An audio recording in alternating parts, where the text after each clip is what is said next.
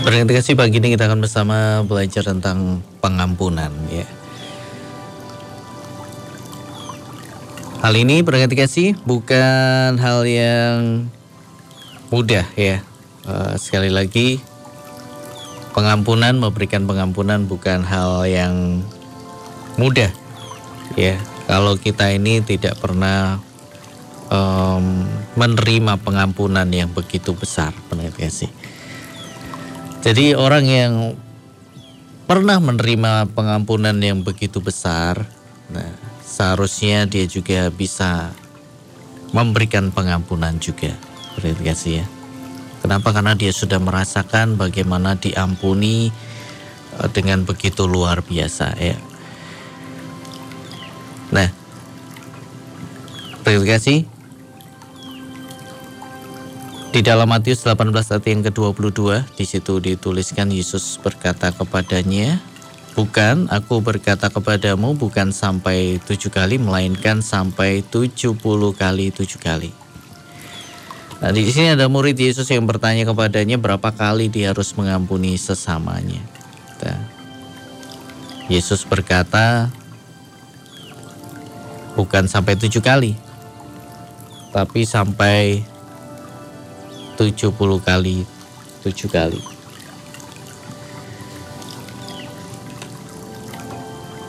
Nah, apakah ini dijumlahkan menjadi 490 kali? tidak ya, ini berbicara tentang jumlah yang tidak terbatas pendengar dikasih.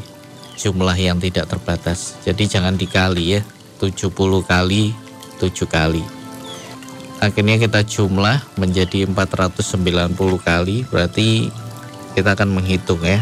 Saudara kita kalau bersalah dihitung.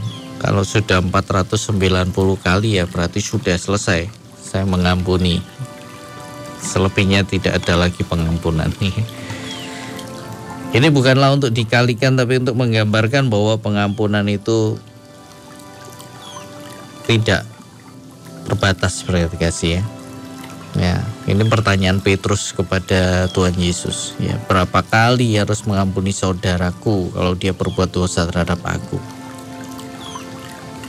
Ya, tidak ada batas dalam kita ini untuk mengampuni berarti kasih.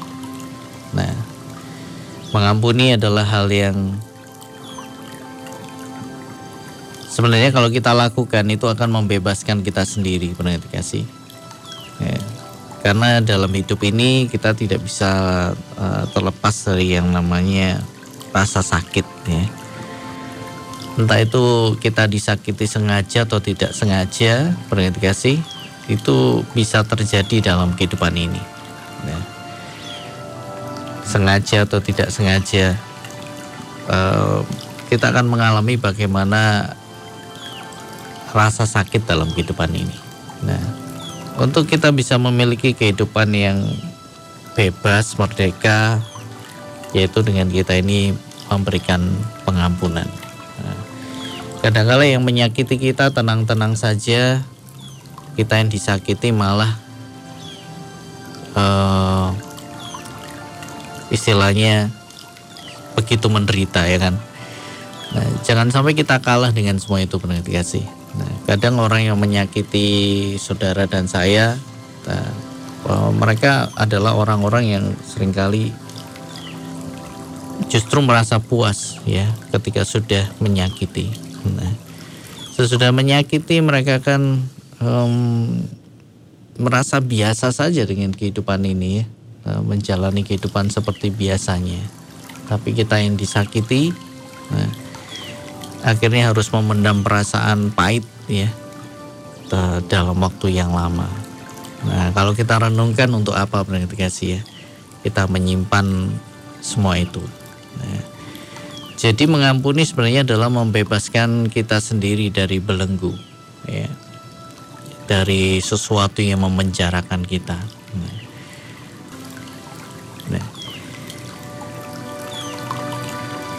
Kalau kita sulit mengampuni kasih ingatlah bahwa kita ini sudah diampuni dengan begitu besar oleh Tuhan. Nah, kesalahan kita kesalahan yang sangat besar, ya.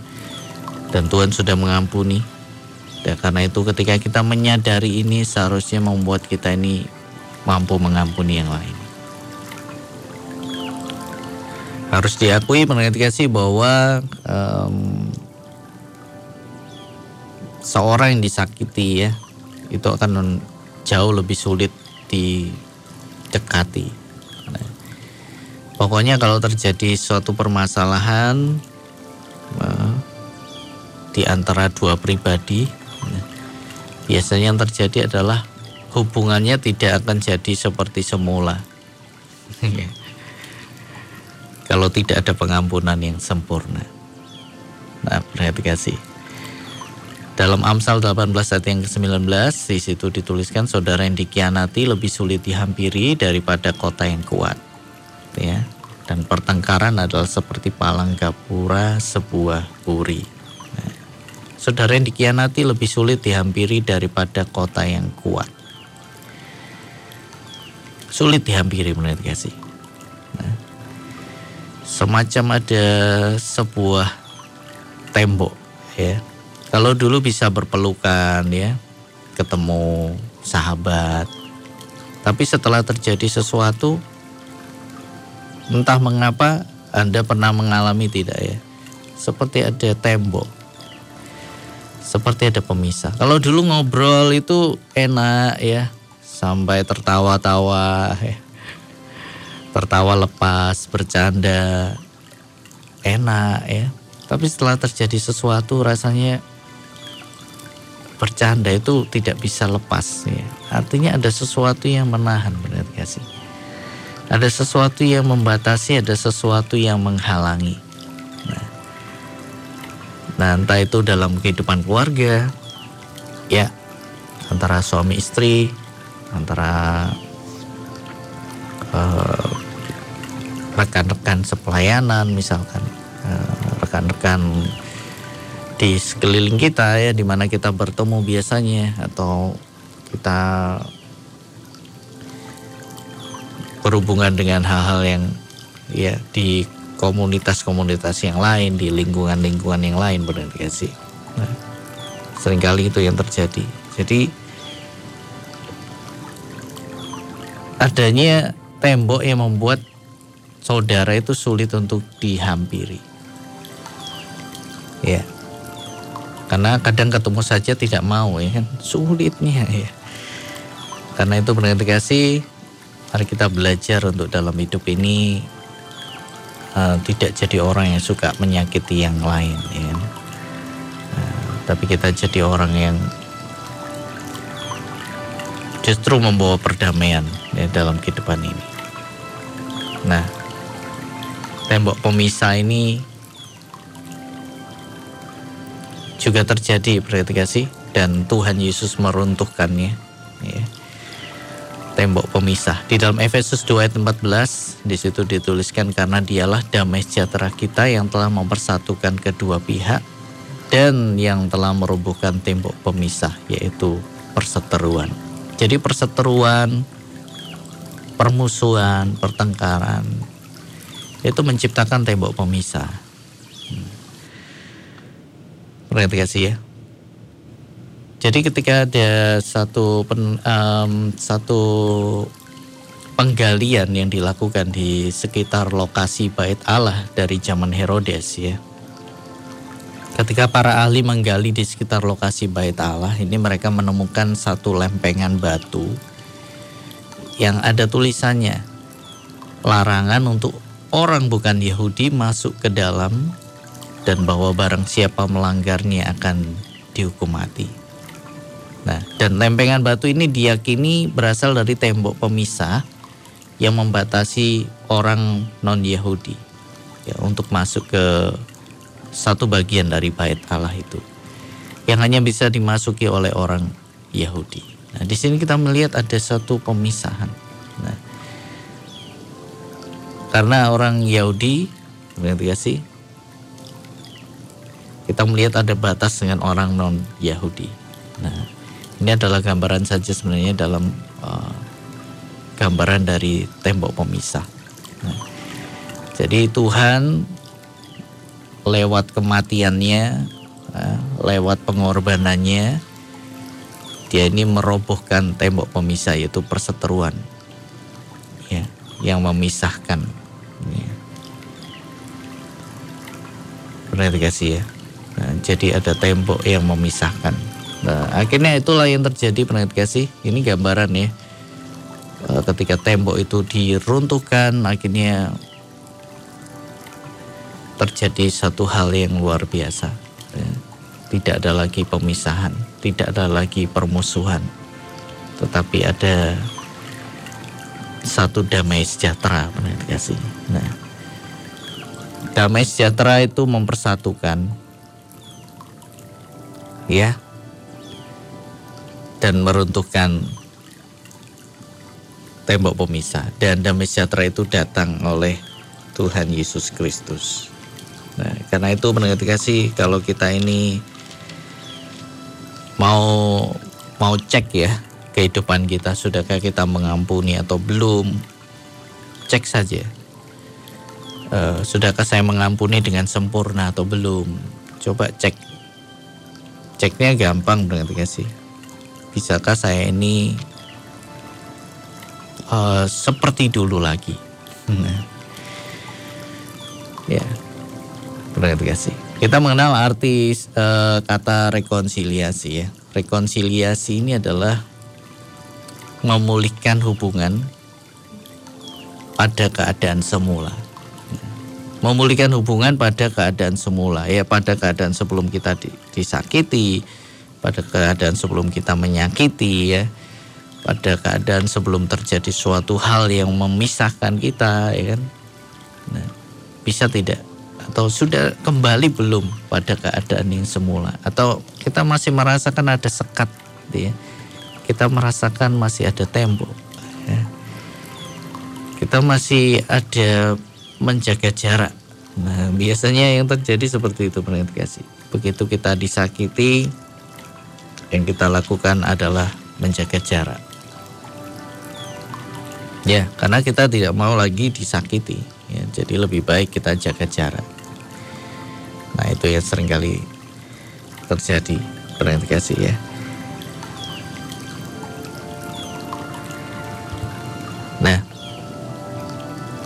Kalau kita masih merasakan ada sekat itu berarti kita minta Tuhan supaya ya kita lebih dimampukan mengampuni ya dengan sempurna. Biasanya kita tidak bisa kembali kepada keadaan semula karena ya kalau ketemu masih ingat ya apa yang pernah dia lakukan. Walaupun sudah mengampuni kadang masih ingat ya. Masih teringat ya bagaimana dia menyakiti dengan kata-kata mungkin dalam tindakan lewat tindakan atau apa kita masih terngiang-ngiang sehingga membuat kita tidak bisa kembali seperti dulu lagi. Nah, kasih Tuhanlah yang menjadi damai sejahtera dan damai sejahtera itu Tuhan berikan ya untuk mempersatukan. Ya. Permusuhan hanya bisa dikalahkan dengan damai sejahtera. kasih. Jadi permusuhan tidak akan bisa diselesaikan dengan balas membalas. Kalau balas membalas itu tidak ada damai di dalamnya. Yang ada hanyalah angkara murka. Begitulah permusuhan benar kasih. Eh, semakin kita ini permusuhan, semakin kita tidak mengampuni, semakin tebal temboknya. Mengalahkan tembok besar di China ya kan. Tembok Anda berapa tebalnya benar kasih? Eh, bisa diukur tebal tembok rumah Anda, tembok tembok besar di China itu dua mobil bisa cukup berjajar. Sangat tebal kasih ya. Semakin tebal, semakin sulit diruntuhkan. Tapi tidak ada yang mustahil. Nah, jangan sampai ada permusuhan sampai sampai cucu sampai cicit ikut-ikutan. Nah, itu permusuhan yang begitu besar sih yang dibangun akhirnya ya kan. Yang salah Yang bermasalah misalkan adalah orang tua sekarang ya. Yang jadi korban permusuhan itu yang akhirnya turun temurun sampai cucu cicit. Mereka sebenarnya nggak tidak ikut ya, tidak ikut dalam perseteruan ini tapi ya mereka terkena dampak ya.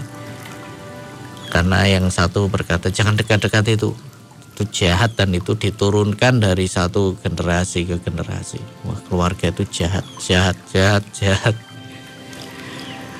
Akhirnya permusuhannya itu sampai cucu dan cicit mengerti ya. Nah, adakah yang seperti itu? Mari ya, Tuhan adalah sumber damai sejahtera. Ya. Dan dia telah melenyapkan perseteruan pada salib ya. Di salib itu selesai segala perseteruan. Ya. Perhati kasih, karena dia memberikan damai sejahtera. Nah, jadi lebih baik mengampuni perhati kasih daripada terus membangun tembok pemisah yang kalau kita pelihara tembok itu akan semakin tebal, tebal, tebal, tebal, tebal, dan semakin menebal ketika sih. Dan akhirnya terjadi pemisahan yang sangat-sangat, sangat-sangat ya sulit ya untuk ditembus ketika sih. Nah, karena itu biarlah cinta Tuhan mengalir dalam hidup kita. Berarti kasih Yesus sudah mati, ya disalib dan dia mati untuk mengadakan pendamaian antara Allah dengan manusia. Juga pendamaian antara manusia dengan manusia yang lain. Ya. Pendamaian antara Allah dengan manusia. Dan pendamaian antara seorang dengan yang lain. Menurut kasih. Dan Ketika hubungan kita dengan Bapa dipulihkan, maka hubungan kita dengan sesama juga bisa dipulihkan. Jadi hari ini berarti adakah kita sedang membangun tembok ya? Mari kita belajar untuk meruntuhkan ya tembok itu. Meminta pertolongan Tuhan supaya tembok itu diruntuhkan ya. dan kita boleh kembali hidup dalam kasih ya perpelukan seperti dulu sebagai sahabat ya atau suami istri ya berpelukan seperti dulu seperti waktu pertama kali menikah ya. Bisa jadi karena sudah banyak disakiti akhirnya dipeluk saja sudah tidak mau berarti kasih ya. Menghindar terus ya kan? Kenapa? Karena saking seringnya disakiti. Ya. Kalau dulu dipeluk dengan erat ya sekarang dipegang saja tidak mau tangannya dipegang nggak mau ya. bisa jadi karena sudah ada banyak luka yang anda simpan dalam kehidupan ini nah, ini waktunya untuk memberikan pengampunan ya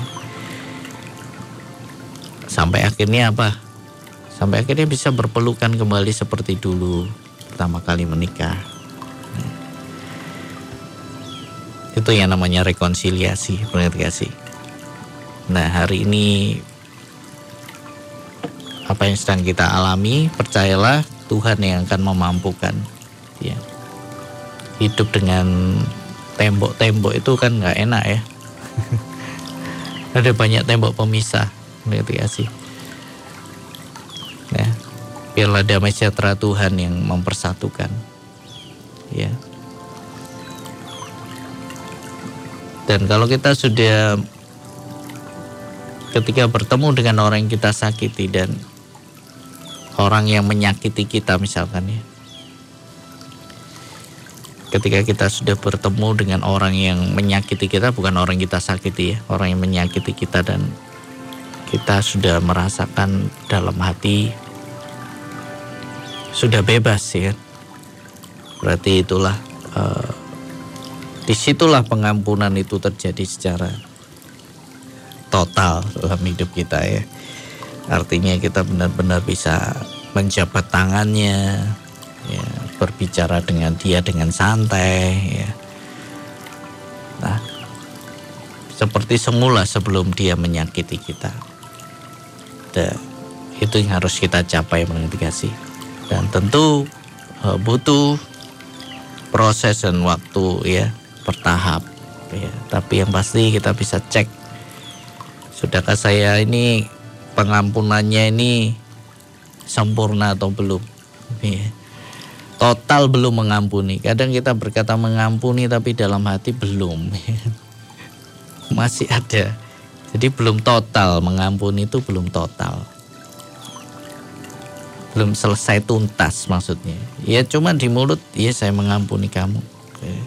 tapi dalam hati belum selesai. Nanti kasih jadi